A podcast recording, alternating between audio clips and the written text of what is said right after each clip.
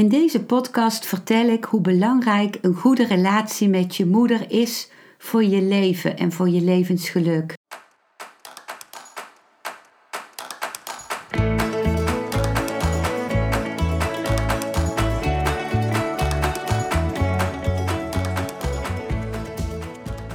Welkom bij een nieuwe aflevering van Modita's podcast Van Pijn naar Zijn. De podcast waarin ik je meeneem voorbij de pijn in je leven naar wie je diep van binnen bent. Hoe kun je beter omgaan met je gevoelens? Hoe vind je rust in je hoofd? Wat zit er precies achter je pijn? En vooral, hoe kun je steeds meer jezelf zijn?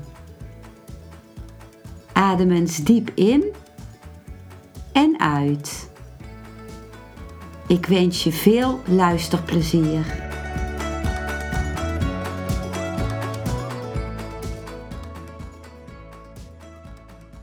Als de relatie met je moeder goed is, dan stroomt je leven op alle gebieden. Op het gebied van relaties, op het gebied van geld verdienen, op het gebied van uh, je gelukkig voelen en voldaan voelen. Uh, in je werk, en uh, Bert Hellinger, de grondlegger van uh, familieopstellingen, die uh, zei: De moeder, je moeder is het gezicht van je geluk. Als de relatie met je moeder goed is, dan heb je in feite geen therapie meer nodig, geen andere dingen meer nodig. Dus in feite kan vrijwel alle therapie teruggebracht worden tot uh, tot het uh, werken aan die relatie. En een goede relatie met je moeder betekent dat je de juiste positie hebt naar je moeder toe. Dat je uh, klein bent ten opzichte van haar. Dat je haar als groter ziet dan jij en dat jij van haar ontvangt. En dat je haar toestaat om alleen maar te geven. Dus een goede relatie met je moeder betekent niet dat je vriendinnen bent met je moeder. Want uh, je moeder heeft een hele andere positie dan jij. Toen jij geboren werd, was zij uh, volwassen. En zij heeft jou gedragen en het leven gegeven. En dat is een totaal andere positie dan uh, vriendinnen zijn. In die zin klinkt uh, vriendinnen zijn als een hele goede relatie, maar in feite is het een vorm van uh, arrogantie naar je moeder toe. En is het zo dat als je moeder dat van jou vraagt, dat je vriendin bent in plaats van haar kind, betekent dat meestal dat zij onvoldoende van haar eigen moeder heeft ontvangen. Dat wil niet zeggen dat je uh, geen mantelzorg zou kunnen geven aan je moeder als ze ouder is. Dus bij mantelzorg, uh, mantelzorg geven betekent niet dat jij de positie inneemt van moeder zijn van je moeder. Het betekent dat je voor haar doet wat zij uh, vraagt tot aan jouw grens. Dus ook niet over jouw grens heen. Maar dat je ook niet meer doet voor haar dan ze vraagt, want dat ontneemt haar haar waardigheid. Maar nog steeds, ook als je mantelzorg geeft, dan blijft zij de grotere die jou het grootste geschenk heeft gegeven, en dat is namelijk het leven, en blijf jij de kleinere, haar kind. En in feite is het geschenk dat zij jou heeft gegeven veel groter dan jij ooit met mantelzorg kunt teruggeven. Of wat je ooit, hoe dan ook als kind kunt teruggeven. En dat hoeft ook niet, want je kunt als kind niet teruggeven wat je ouders voor je hebben gedaan. En dat is ook niet in de aard van de natuur. In de aard van de natuur is dat uh, de ouders jou geven en dat jij wat je ontvangen hebt weer doorgeeft doorgeeft als je kinderen hebt aan je kinderen en als je geen kinderen hebt aan een project waarin je uh, anderen dient of de wereld dient. Dus je moeder heeft uh, het leven van alle eerdere generaties aan jou doorgegeven en verbindt jou daarmee ook met alle eerdere generaties. Dus als jij je met je moeder verbindt, dan ben je tegelijkertijd ook verbonden met al je voorouders en kun je de kracht ontvangen van al jouw voorouders. En je zult uh, waarschijnlijk of misschien denken van, uh, ja, zo simpel is dat niet. Dat ik klein kan zijn ten opzichte van mijn moeder, want mijn moeder had het moeilijk en die had mijn steun nodig. En ik begrijp dat vanuit mijn eigen ervaring. Um, als kind voelen wij de pijn van onze moeder ook, de emotionele pijn, uh, de fysieke pijn. En we voelen het bijvoorbeeld ook als onze moeder zelf niet heeft kunnen ontvangen van haar moeder. Dan voelen we dat zij wankelt en dat ze niet echt stevig kan staan. En dat is voor een kind heel bedreigend, want een kind heeft uh, de veiligheid nodig van een moeder die staat. Anders dan, dan staat de overleving van het kind op het spel. Dus vandaar dat als jij dat voelt als kind, dat je dan gaat proberen je moeder te helpen, emotioneel of fysiek of allebei. Dan ga je proberen een, een steun voor je moeder te zijn. En in feite neem je dan uh, de rol op je van ouder zijn van je moeder, de, haar uh, vader of moeder willen zijn. En dat is, uh, het kind denkt dat het dat kan. En dat geeft het kind ook een kracht en een, een, een, een, een waardigheid. Maar wat de consequentie is, is dat, het, dat je als kind dan niet kunt ontvangen. Je kunt dan geen kind zijn en de noodzakelijke voeding, zowel emotioneel als fysiek, ontvangen die jij nodig hebt om jouw leven te kunnen laten stromen en om weer om opgeladen te zijn en een soort overvloed in jezelf te hebben, die je dan weer door kunt geven. Dus uh, als je daar later in je leven achter komt dat jij zo'n uh, foute rol eigenlijk hebt ingenomen naar je moeder, een ongezonde rol van ouder zijn van je moeder, dan is het belangrijk om weer terug te keren naar de positie van het kind.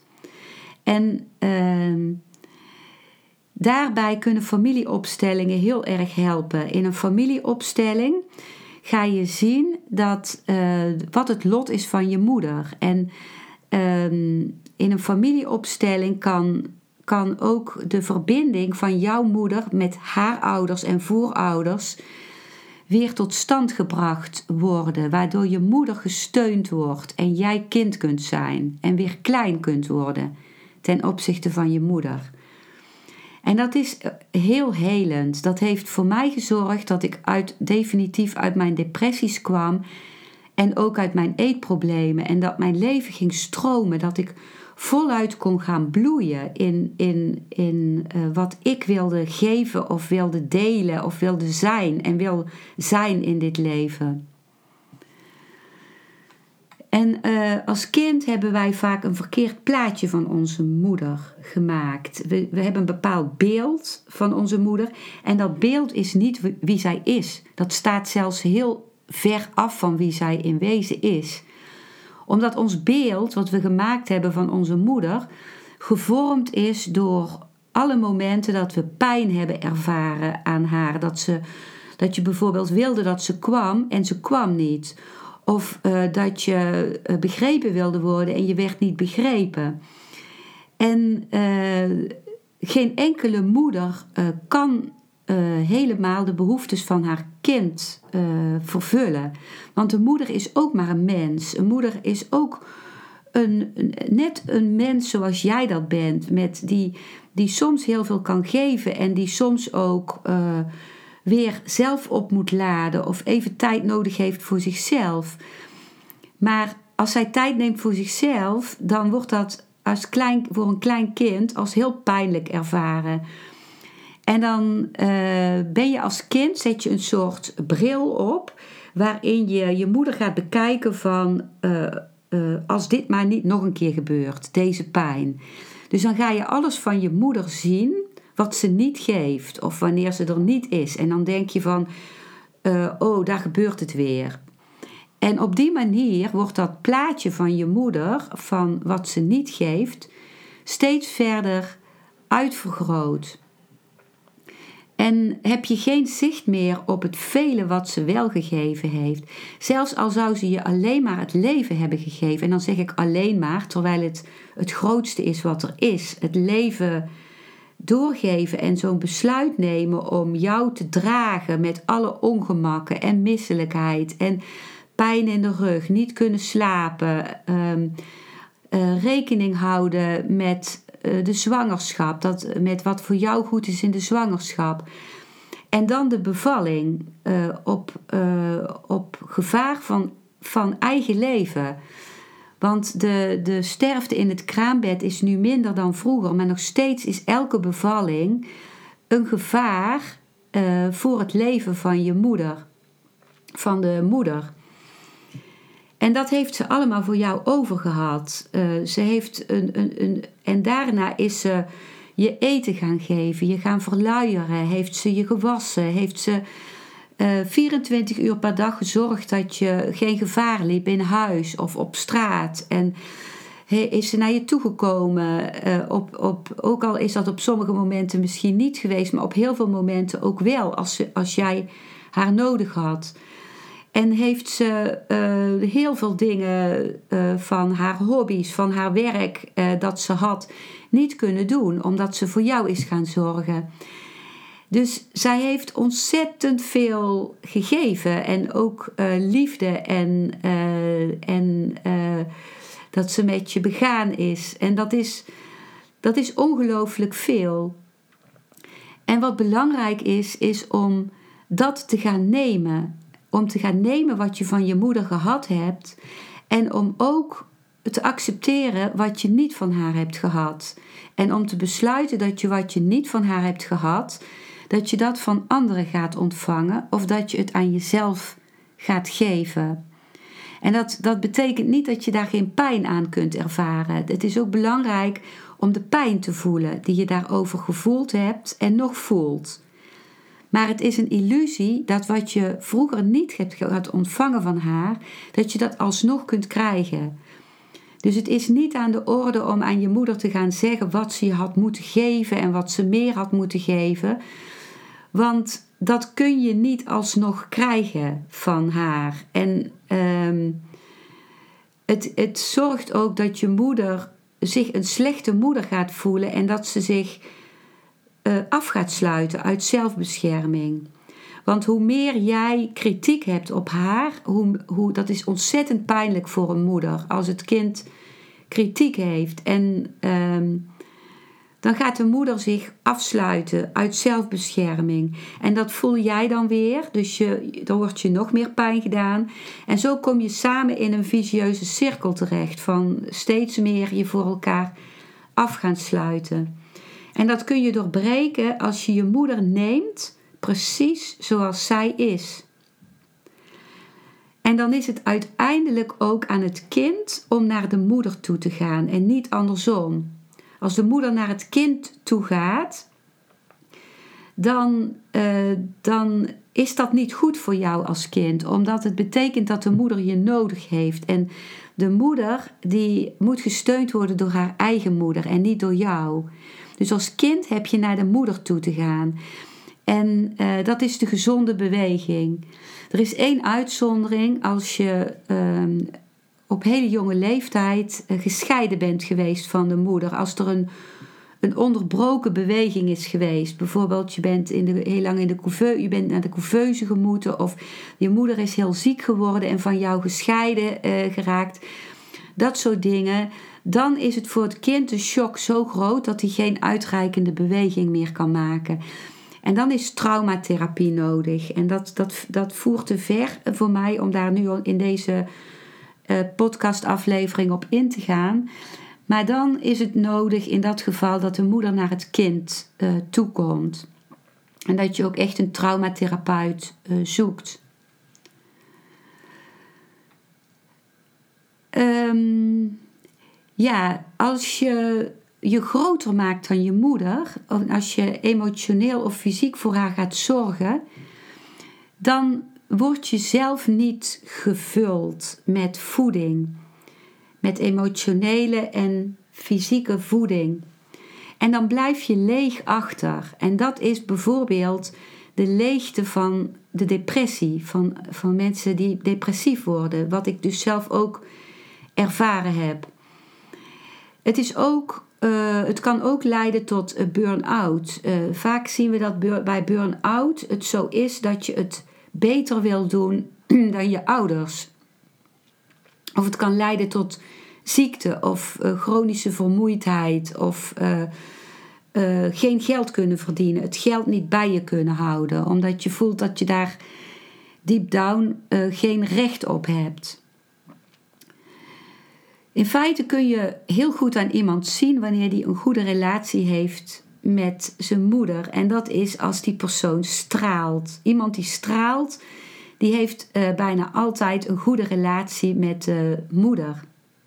En omgekeerd, als je geen goede relatie met je moeder had en die gaat krijgen, dan kan dat maken dat je, dan, dan zorgt dat dat je gaat stralen en dat je leven gaat stromen. Als je niet ontvangt van je moeder, als je je afsluit om van haar te ontvangen, dan blijf je in feite naar haar verlangen. En heel veel mensen die denken dat ze los kunnen komen van hun moeder door zich af te sluiten en haar helemaal te negeren en dan hun eigen leven te gaan leiden. Maar dat kan niet. Je kunt, je kunt alleen uh, je eigen leven gaan leiden en uh, je naar jouw leven bewegen, uh, verder weg van je moeder naar jouw leven toe, als je haar eerst kunt ontvangen en kunt omarmen. Alleen dan ben je gevuld en kun je met haar steun in de rug jouw eigen leven gaan leiden. En uh, ja, dan, dan word je ook door haar gesterkt. En wat er dan ook gebeurt is dat je op, op zo'n moment dat je je opent voor je moeder, voor wat je van haar ontvangt en ontvangen hebt, dan ontvang je op dat moment al het goede van je moeder. En blijft dat wat bij haar hoort aan, aan lotsbestemming en aan. Uh, aan haar, wat bij haar hoort als pijn en, en uh, haar, uh, ja, haar levenslot, dat blijft dan bij haar. Dat gaat dan automatisch uh, zo. En het is ook belangrijk dat je je helemaal niet bemoeit met de wijze waarop jouw moeder haar leven leidt. Ook niet met de relatie die ze heeft met je vader, bijvoorbeeld. Want hoe zij haar leven leidt is aan haar. En het is, je eert haar en je respecteert haar als je haar uh, laat zijn precies zoals zij is. En het is ook arrogant om te denken dat jij weet wat goed voor haar is of, of hoe zij zou moeten zijn. Want je kent, je kent uh, niet haar leven, je kent niet haar eh, de invloeden die op haar werken. Je kent ook niet de invloeden die zij ontvangen heeft van haar voorouders.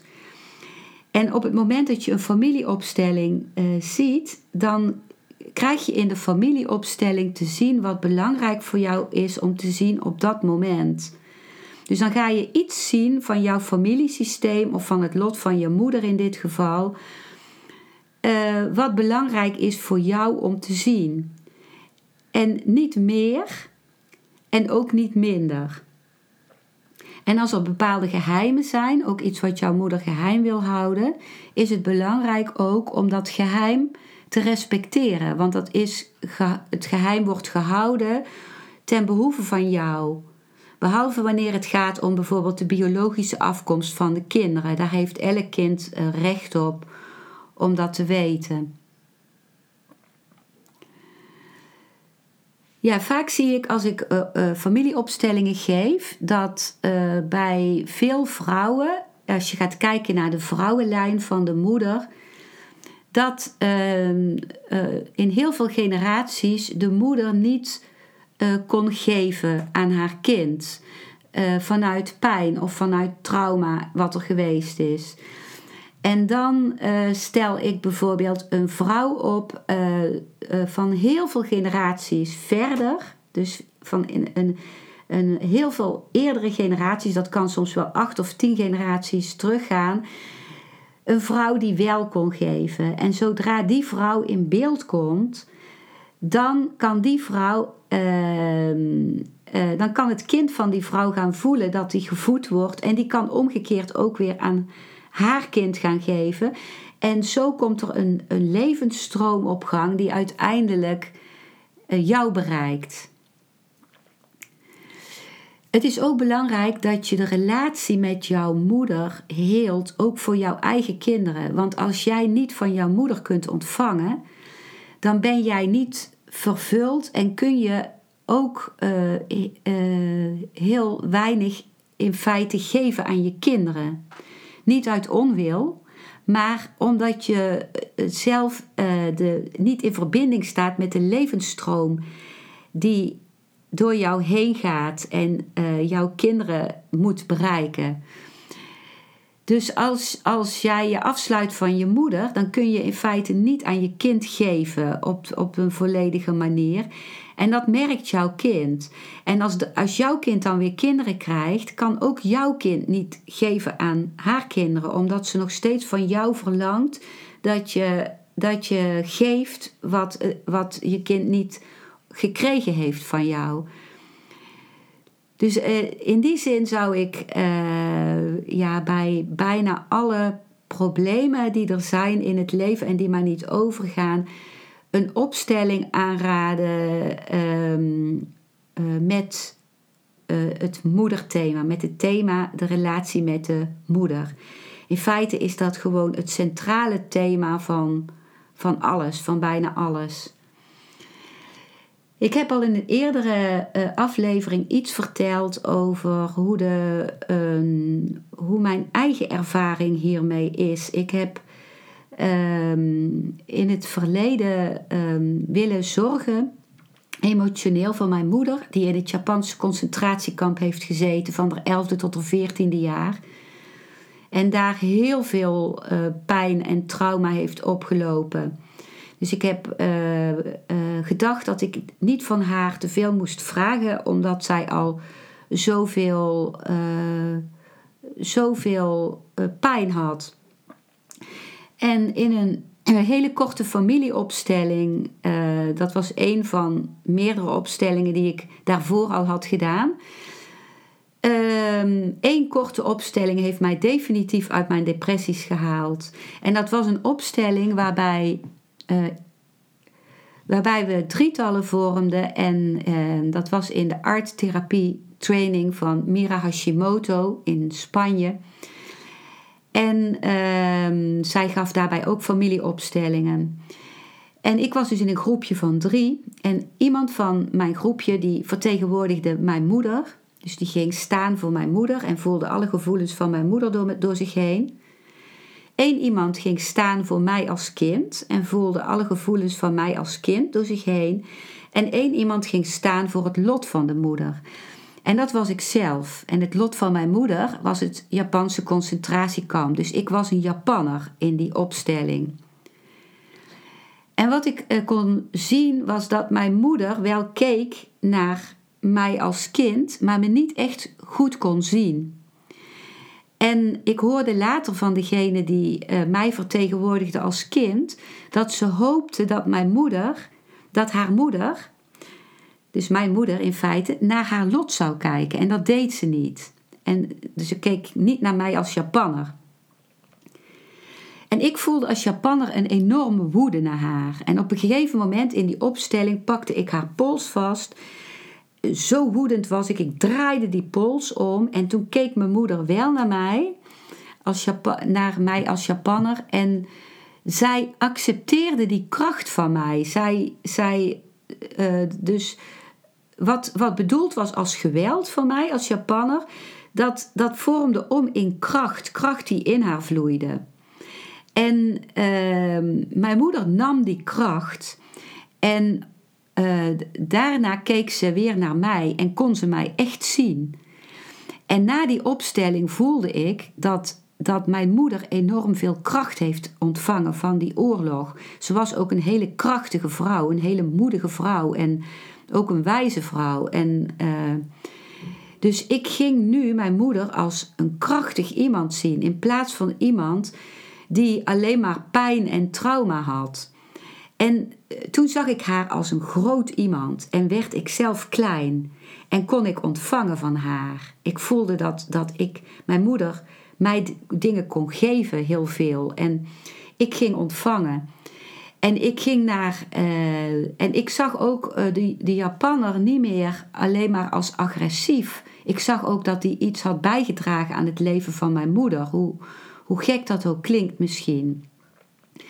En toen ging ik naar buiten en ik stond daar buiten op het prachtige terrein van Amalura in Baskeland. En ik zag in mijn verbeelding mijn moeder daar staan. Zij is al in 1988 overleden.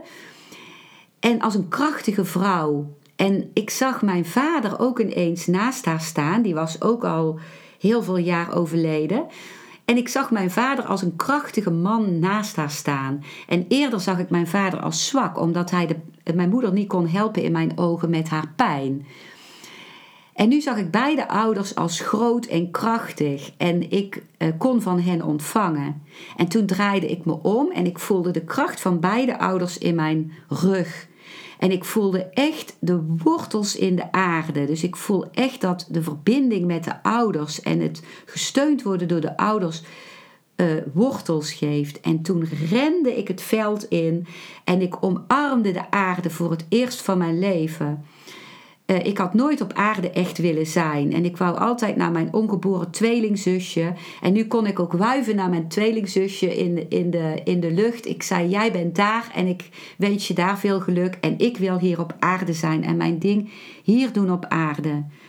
En vanaf toen is mijn leven gaan stromen. Ik ben het werk gaan doen wat ik graag doe: het delen van meditaties, van familieopstellingen, het schrijven van boeken, het geven van gezichtsmassage en ik wil, ik wil delen. Ik kan nu voor het eerst delen.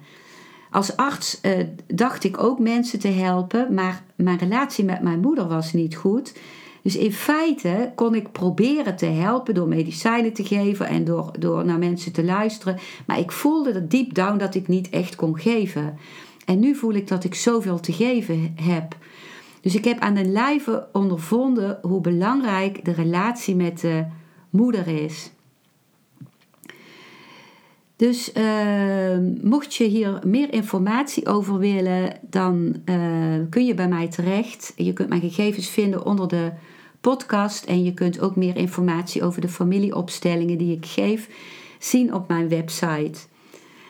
En ik ben ook, uh, ja, ik, ik vind het sowieso heel fijn om van je te horen wat je van deze aflevering gevonden hebt en wat het bij je oproept. Maar voel je ook daarin vrij om dat wel of niet te delen. Dat was wat ik op dit moment wilde vertellen over een goede relatie met, je, met de moeder en wat familieopstellingen daarin kunnen betekenen. Dankjewel voor het luisteren naar deze aflevering. Ik hoop dat hij je een nieuw inzicht of perspectief heeft gegeven. Ik hou van interactie dus als je iets wilt delen, stuur me dan een mailtje op info.genietenvanmeditatie.nl. Ik geef je dan altijd antwoord. Ik wens jou dat je vreugde in het dagelijks leven zult ervaren en innerlijke rust. En dat je steeds meer je pijn zult kunnen omvormen in zijn. Je kunt de afleveringen van deze podcast volgen via Spotify, Google Podcast, Apple Podcast en Podbean door op de volg- of abonneerknop te klikken. Als je luistert via de Apple Podcast, dat kan alleen als je een iPhone hebt, heb je een extra voordeel. Omdat als je op de knop abonneren klikt, je steeds een berichtje op je mobiele telefoon ontvangt als er weer een volgende aflevering van mijn podcast verschijnt. Je bent van harte welkom bij die volgende aflevering.